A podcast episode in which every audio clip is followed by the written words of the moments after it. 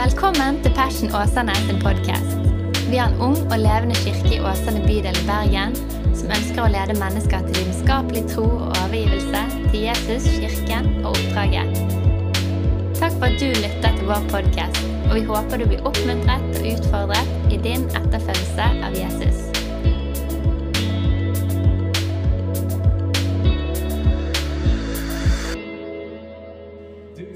Ut fra Markus, og det er det fjerde kapittelet der. Og Jesus underviser om Guds rike i denne passasjen her.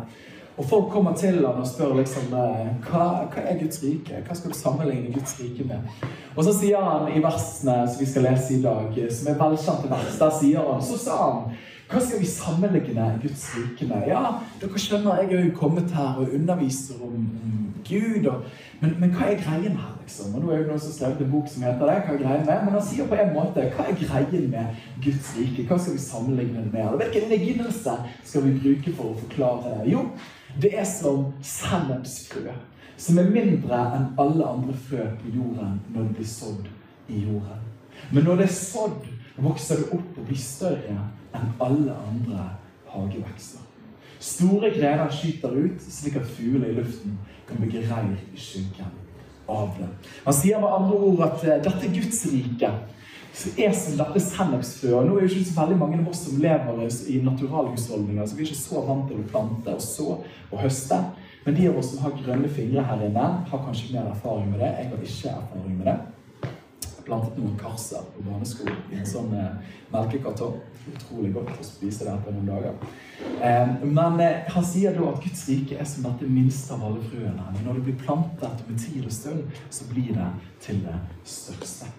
Og Det får tankene mine til å gå tilbake til dette huset her. Og det får faktisk, ja, ikke akkurat i dette rommet, men etasjen under. For da jeg var liten, så deltok jeg på ungdomsklubben eller barneklubben Tweens. Vi har ikke oppfunnet kategorien tweens da jeg var liten, men det er altså før du blir tenåring. men du er ikke helt snart unge, Så du er liksom et sted midt imellom der, fra 5. til 7. klasse. da. Eh, Men de siste årene så har vi forstått at det er noe som heter tweens. Eh, Og i den kategorien der så var det noe som het tent. Det var barne-tweensarbeidet til Fellesskapskirken i Åsane. Og der var jo tanken at man skulle være tent på Jesus. Jeg var mer tent på andre ting som begynte på J på det tidspunktet. Eh, og syntes det var et veldig rart navn. da. Og jeg syntes det var grådig kjedelig å være på det ungdomsarbeidet. Særlig når eh, vi skulle ha andakt. Og det kommer jo fra tysk 'andenken', så vi skulle tenke over noen smarte ord som han ungdomsarbeiderne hadde å formidle. da. Men det gøyeste kvelden var jo når vi slapp andakten. For da kunne vi se film. Da var det av og til sånn eh, kino på tant istedenfor. Og da husker jeg en film som har gjort usatte inntrykk. Det er bildet av Trevor McKinney.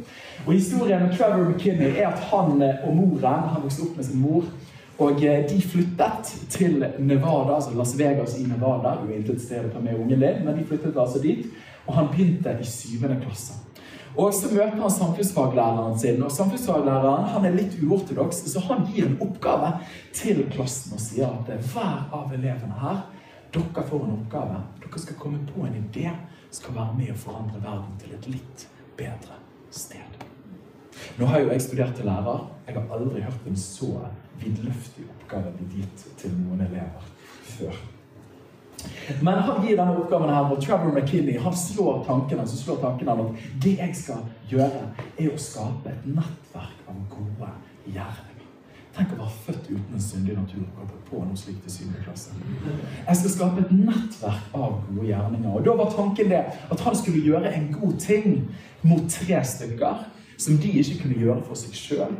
Jeg husker ikke rett konkret, men det var vel en eldre mann. Altså Noe de ikke kunne gjøre for seg sjøl, skulle han gjøre det for dem. Men når da de ville gi takknemlighet tilbake til han, så skulle han si Sorry, you can't give it back to me, but you have to pay it forward. Og derav navnet på filmen Gi det videre. Så da måtte den personen gjøre godt mot tre andre igjen. Og Vi ser jo her eh, på tavlen der han illustrerer ideen sin. Han er jo en veldig søt ung gutt der. Eh, så er det tre stykker, og ut ifra en av de tre så blir det da tre nye. Og jeg har snakket altfor mye om min mattekunnskap, men den er begrenset. Men da blir jo altså én til tre, og tre blir til ni, og ni blir til 27, og så stopper det for meg. Men dere tar bildet. Da fortsetter det utover, og så får man en eksponentiell vekst. Og dette her kunne med tid og stund være med å gjøre verden til et bedre sted. Og det tror jeg virkelig på. Nå skal ikke jeg preke liksom en moralsk uh, opprustningstale her, der vi alle skal gå ut og spandere på han som foran oss i kassen. Men det kan jo være en god ting. Men et, det som er genialt med denne filmen, og den måten å tenke på, er at dette illustrerer hvordan Jesusbevegelsen til alle tider har gått framover. Og jeg tviler veldig på at Warner Bros-brødrene, når de produserte denne filmen, her, satt i Hollywood og sa at let's make a movie that illustrates how the kingdom of God works. På grunn av at de hadde lest Jesus' sin lignelse om sendesfrø i Markus 4. Det tviler jeg på. Men i sin uvitenhet så gjorde de oss en stor tjeneste. For de illustrerer egentlig det Jesus snakker om. Hvordan det utenkelige midlet det som tilsynelatende virker ubetydelig, bærer potensialet i seg for det ustoppelige store. Hvordan det utenkelige lille bærer i seg potensialet for det ustoppelige store. Ja, ser vi bare et frø og jeg vet ikke om du har vært på møtene med type de predikantene som bare Ja, jeg har med meg et sennepsfrø her. Og så klistrer det bak i Bibelen sin. Så jeg har vært på møte der. Han hadde liksom limt sennepsfrø bak i Bibelen, så skulle huske det hvordan liksom Guds rike fungerte. Så han bare slo Bibelen og sa Se der! Der er sennepsfrøet. Eh, men det var jo kanskje samme poenget, at det er så lite at man nesten ikke skulle tro det. Men det lille av alle ting bærer i seg potensialet for ustoppelige store. Så ser du bare et sennepsfrø, eller ser du potensialet en hel skog. Og det er det Jesus prøver å lære oss når han underviser om disse tingene. Og det tror jeg appliserer på alle områder av vårt liv. Og spørsmålet jeg ønsker å stille i dag, som jeg bærer, og som jeg ber hver eneste dag, er hvordan kan vi oppleve en Jesusbevegelse i vår tid? Er du med meg på det? Og Det første jeg har lyst til å si, og egentlig overskriften på preken, er 'se det store i det små'. Og da se det store i det små i møte med mennesker først. For en del år siden så hadde jeg gleden av å være på et sted.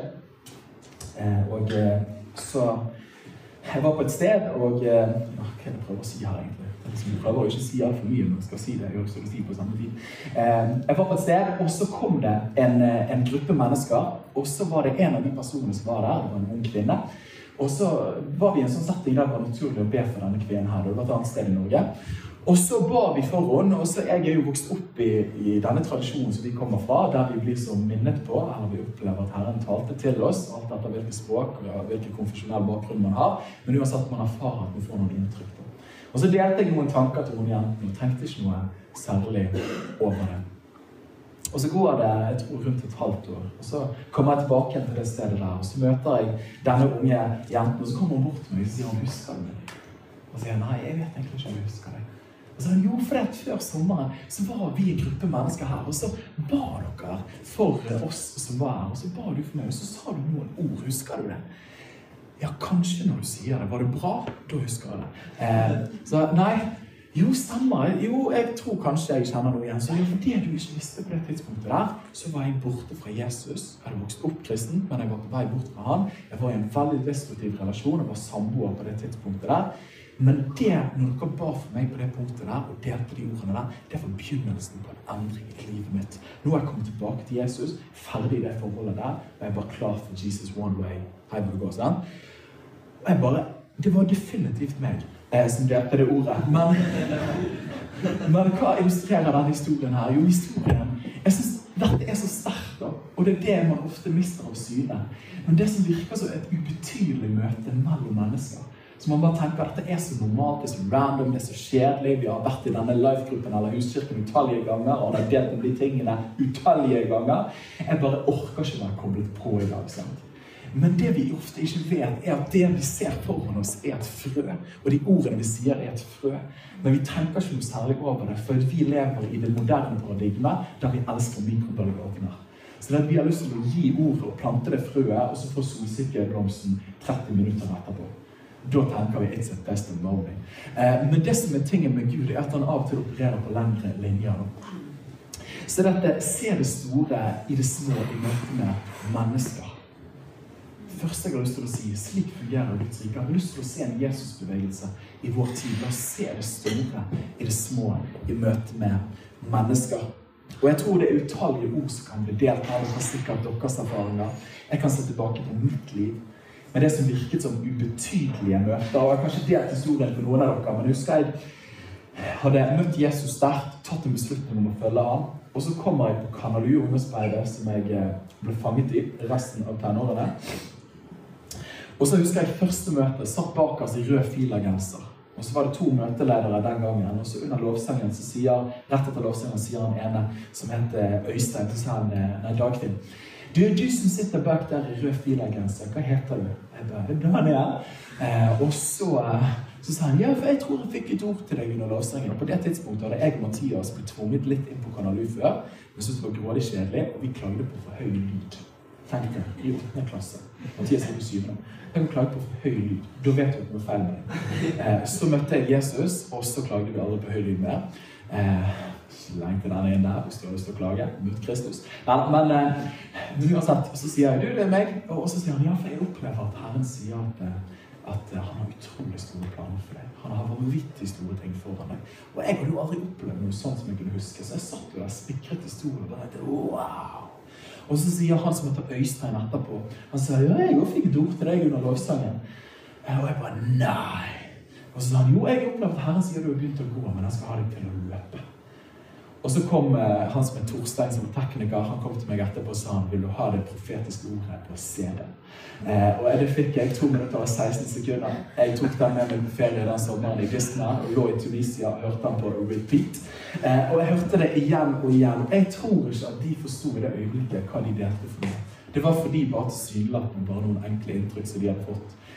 Men for meg, ordene der var helt toneangivende for meg. Og den scenen der slipte jeg ned de første årene. Og jeg hørte det igjen og igjen og kunne det ordrett. Til og med stammingen til den ene. Liksom. Sånn, altså, det bare satt. Hvorfor det? Det var et lite sennepsfrø som ble plantet. Men det lille frøet bar i seg framtiden. Og det er det vi ofte ikke forstår, men at frø bærer i seg framtiden bare i miniatyrform. Men da er spørsmålet klarer vi å se det store i det som virker så smått øyeblikket. Og eh, Nå har jo vi startet Passion Kids her med årene. Og fra å ikke like barnearbeid, men vi kaller ikke barnearbeid, prøver å lære det av meg, barnemiljø Det er ikke så bra med barnearbeid. Men eh, med barnemiljø eh, så, så har jeg blitt veldig glad i neste generasjon. Sant? Jeg syns det var kjedelig før, men nå er det litt sånn trenger de penger, ta så mye dere vil. For dette er viktig for at man har fått egne barn. Eh, men det som slår meg, da, er jo at jeg tror jo på Kristus i dag. Mange av dere har en tro på flest av dere har en tro på Jesus i dag. Og vi har det, så kan man tenke ja, men jeg tror på Jesus pga. at jeg bestemte meg for det.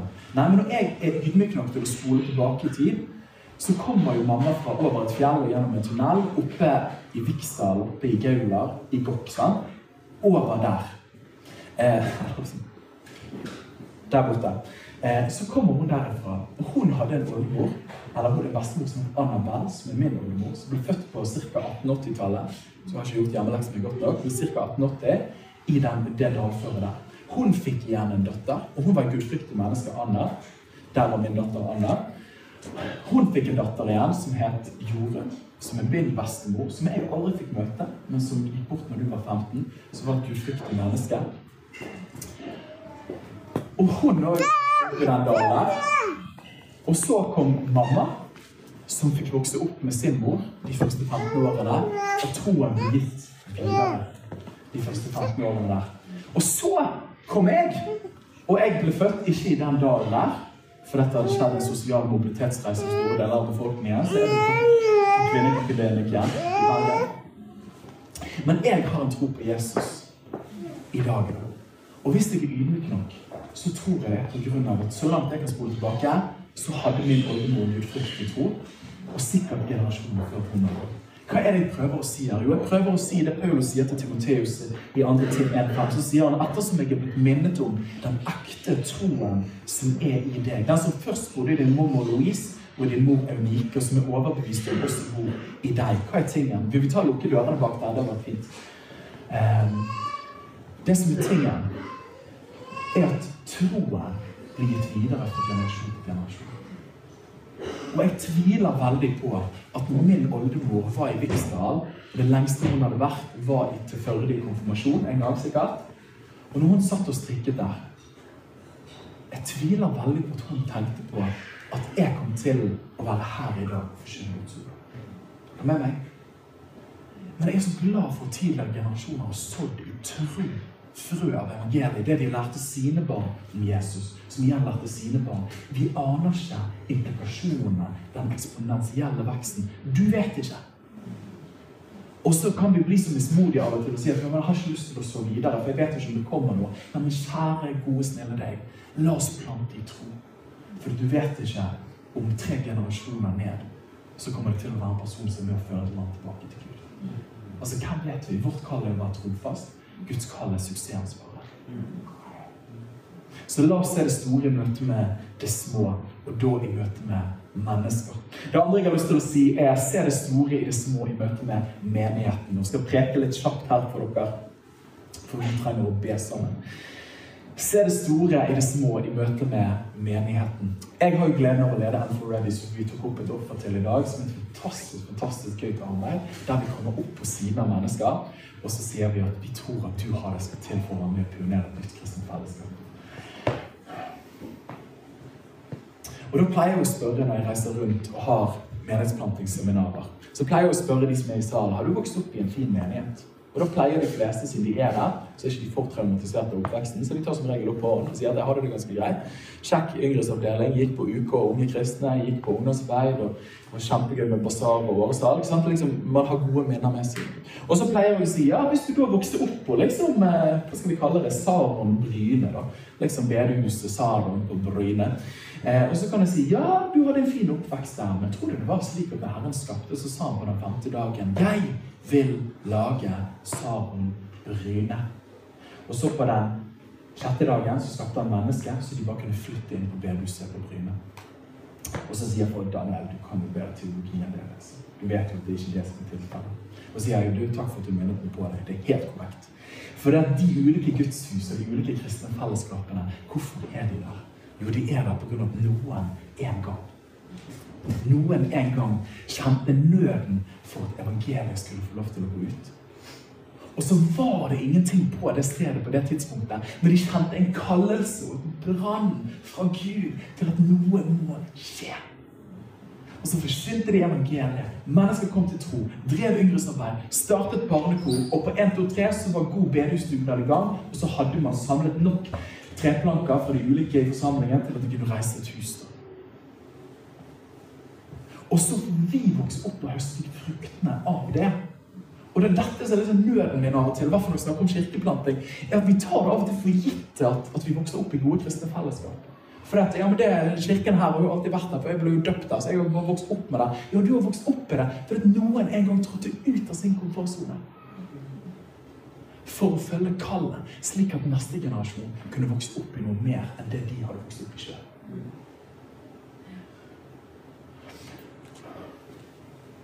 Jeg syns det beste bildet på det her er faktisk naturen, er biologien, er måten Gud har skapt skaperordningen av familie på. det.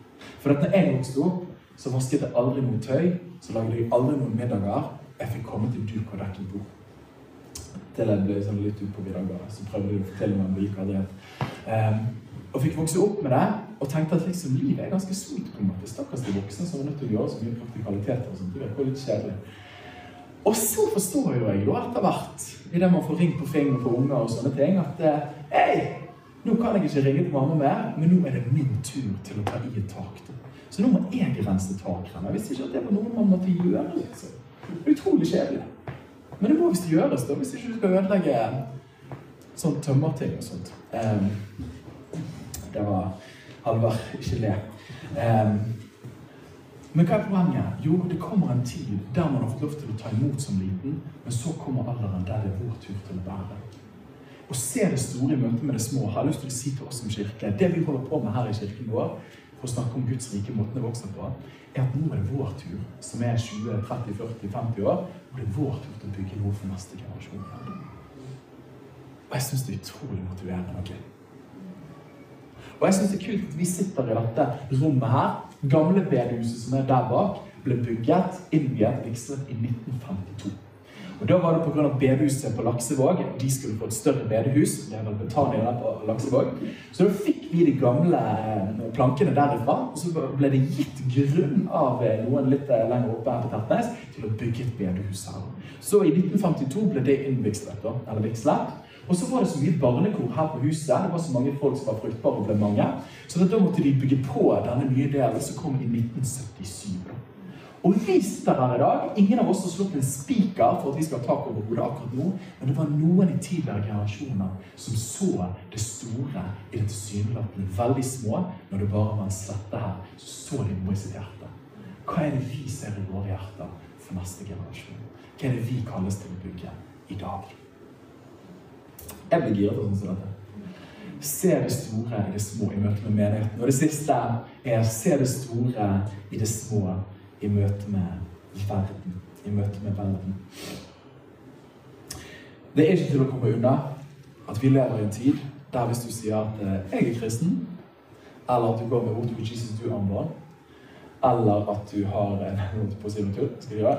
Eh, hvis du hvis du flagger, flagger for Jesus, Jesus spør om du er tøff nok, og du flagger det flagget helt til topps, så er det ikke nødvendigvis sånn når du kommer på konsulentjobben din, eller du kommer i tømmerfirmaet ditt, eller du kommer på dagligvarekjeden, at du liksom får klapp og applaus, og du tenker at du er fantastisk. Og Det var en evangelikal forsker, vi er jo evangelikale kristne, som sa at man har gått fra tidligere at det å ha kristne verdier var noe positivt.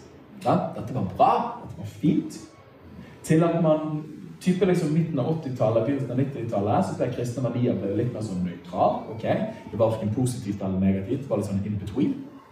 Til i dag at nå er det verken positivt eller nøytralt. Nå er vi plutselig negativt å mene og tro og bekjenne det man ofte står for i en klassisk kristen tanke. Så nå er man plutselig nesten litt sånn Nå er man en motkultur, men da er det nesten et fiendebilde òg for å stå for det vi står for. Da. Kjenner dere igjen i den? Jeg kan kjenne veldig igjen i den holdningen der. Jeg tipper at Hadde vi tatt mikrofonen rundt der, så tipper jeg at, holdningen til kristent arbeid og kristne har endret seg drastisk bare de siste 10-15 årene. Så dette er det å følge Jesus i dag er kanskje ikke det mest lukrative hvis du har lyst til å være på toppen av den sosiale næringskjeden. Men så kan vi bli veldig pessimistiske. Og her har vi to tilnærminger som kristne ofte har en uvane for å velge. Vi elsker grøftekjøring som kristne. Så da tar vi enten, som er det vi gjør, Vi må kjøre assimilasjon-veien. Det handler om å bli lik. Bare sånn, ja, men Jeg orker ikke å stå imot lenger. Jeg har lyst til å være som naboen min. Kan ikke vi bare gjøre som alle andre? Sånn? Assimilasjon. Det skjer jo på Østlandet. Eh, nei, det var stygt sagt. Men eh, assimilasjon. Og så er den andre tilbøyelsen igjen er jo isolasjon. Og Det er jo kanskje den mest nærliggende for meg, i hvert fall. Eh, oss på Vestlandet. Det at vi tar gluggene for, og så låser vi døren, tar ned Ebenezer-skiltet, og det står ikke 'velkommen inn' lenger. Det står 'flykt unna'. Snart kommer vreden, doom and gloom, når vi skal ha åresal, Og så kommer Jesus igjen. Kom og ja. Det er jo den andre tilnærmingen som er fristende. Og kanskje vi kjenner oss igjen i det? Det er meg. Jeg gleder meg til basar på bedehuset. Men uansett. Dette er to ytterkanter. Men ingen av de veiene er det Jesus kaller oss. For at assimilasjon i løpet av en generasjon så finnes det ikke noe kristen tilknytning igjen. Isolasjon funker veldig dårlig, for det blir utrolig rart etter hvert. Hvis vi skal være sammen hele tiden. Eh, og så ungene våre de går jo på skole der ute, så de kommer til å synes foreldrene er veldig rare etter hvert. Sekter dør på sikt. Men det Jesus kaller oss til, er som Johannes-brevene sier, at, at han som er i dere, er større enn han som er i verden. Med andre ord, vi skal være i verden, men ikke av verden. Hvorfor det? Jo, fordi Jesus sier at Guds rike er som sennepsfrø. Skal dette kommende riket få lov til å forme og transformere omgivelsene våre, så må det bli plantet i et jordsmonn der det kan få lov til å vokse. Og Når Jesus underviser om Guds rike, så sier han sennepsfrøene. Hva er jordsmonnet? Det er jo verden rundt oss. Ja, Så sier han om denne surdeigen. Hvordan kan surdeig fungere? Surdeig har jo nødt til å være berøring med det andre elementet. For alle disse bildene Jesus bruker, er element som påvirker sine omgivelser. Så skal det påvirke, så må det berøre det som er annerledes. Jesus sier Matteus 5 i bergprekenen sier han, dere er jordens salt? Salt forhindrer forråtnelse. Men hvis du skal forhindre forråtnelse, så må du jammen meg berøre det som er litt grisete, og det som er litt kjipt. Vi er nødt til å være i, men ikke av. Ja, Hvis dere er verdens lys, så er det ikke så utrolig kult å være en lampe på en lysbutikk. Tenkte på det forleden. Borte ved siden av kirkegården bedehus har jo den der lampen på huset. Er det dette? Sett på de alle, og kan skjønne hvordan det går rundt. Sorry. Men, men det er jo så mye lys der. Har du sett det? Og så er det tyter ut av lys overalt der. Og jeg tenker at det å være lys på det stedet der er sikkert ikke så gøy, for det er så veldig mange andre lys der. jeg vet ikke om de kan tenke det. altså Jeg tror ikke det ut fra min teologi at de lysene tenker at de er lys. Men eh, det heter jo beskjeden hvis jeg ikke tar feil. eh, Og et litterært virkemiddel. Men det er noe av det jeg plukket opp i norsken. Um, men hva er tingen? Jo, lyset må jo være der det er mørkt. Skal det få lov til å ha sine effekter. Poenget mitt er la oss se det store i det små i møte med verden rundt oss òg. De første kristne, pinsedag, 120 stykker. Den hellige ånd faller. 1 år 300, sier historikere, eh, at det var rundt 6 millioner kristne i Romerriket. Det tilsvarte 10 av den romerske befolkningen på det tidspunktet. der. Vi kjenner historien da. 2,4-2,6 milliarder av verdens befolkning har en kristen bekjennelse av noe slag. Hvis du gjør matematikken Det som har funnet sted med Jesusbevegelsen til nå, er pay it forward det er at de 120 har blitt til 2,5 milliarder i dag. Hvordan går det an? Jo, av at noen har satt det store i det små i møte med mennesker. I møte med menigheten og i møte med verden rundt dem. Siste jeg har lyst til å si før vi går over en forbundshandling her hørte en kristen tenker som har skrevet en glitrende bok. Han heter Carl Truman. En fantastisk bandfyr. Men han sa det Eh, han fikk spørsmålet hva tror du Han er utrolig god på å analysere samtiden vår. Så sa han, Hvordan tror du vi kan endre verden rundt oss med fortellingen om Jesus? Og så sa han det. Jo, det første er at vi trenger Jeg tror ikke først og fremst vi endrer det for politikken på toppen.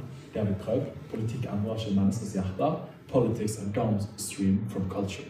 Sant? Så man endrer menneskehjertet først. Og så sa han at skal vi se at det skjer, så må vi leve tette communities sammen. Altså det kristne fellesskapet praktiseres og leves.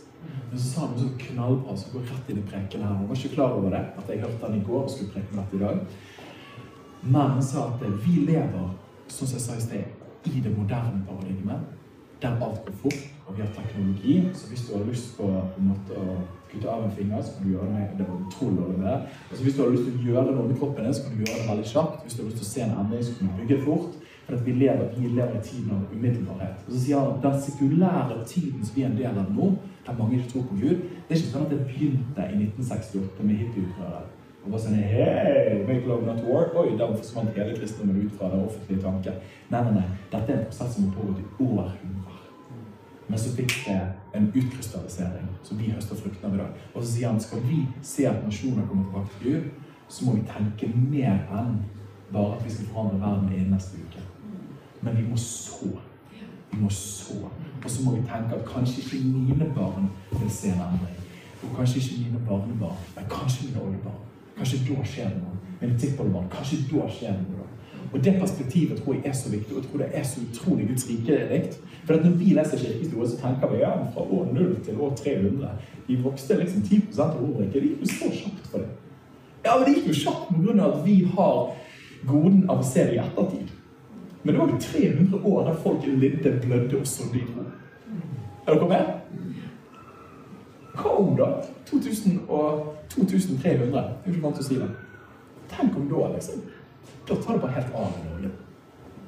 Vår oppgave er jo ikke å skape suksess. Vår oppgave er å være trofast og så. Se det store i møte med det små. Amen. Takk for at du lyttet til vår podkast. Hvis du synes det var bra, så del den gjerne med noen flere. Vil du vite mer om hvem vi er, hva som skjer, og kanskje besøke en av våre gudstjenester, se vår nye hjemmeside på passionåsane.no, eller følg oss på sosiale medier. Helt til slutt, ta imot Herrens velsignelse. Herren velsigne deg og bevare deg. Herren la sitt ansikt lyse over deg og være deg nådig. Herren løfter sitt åsyn på deg og gir deg fred.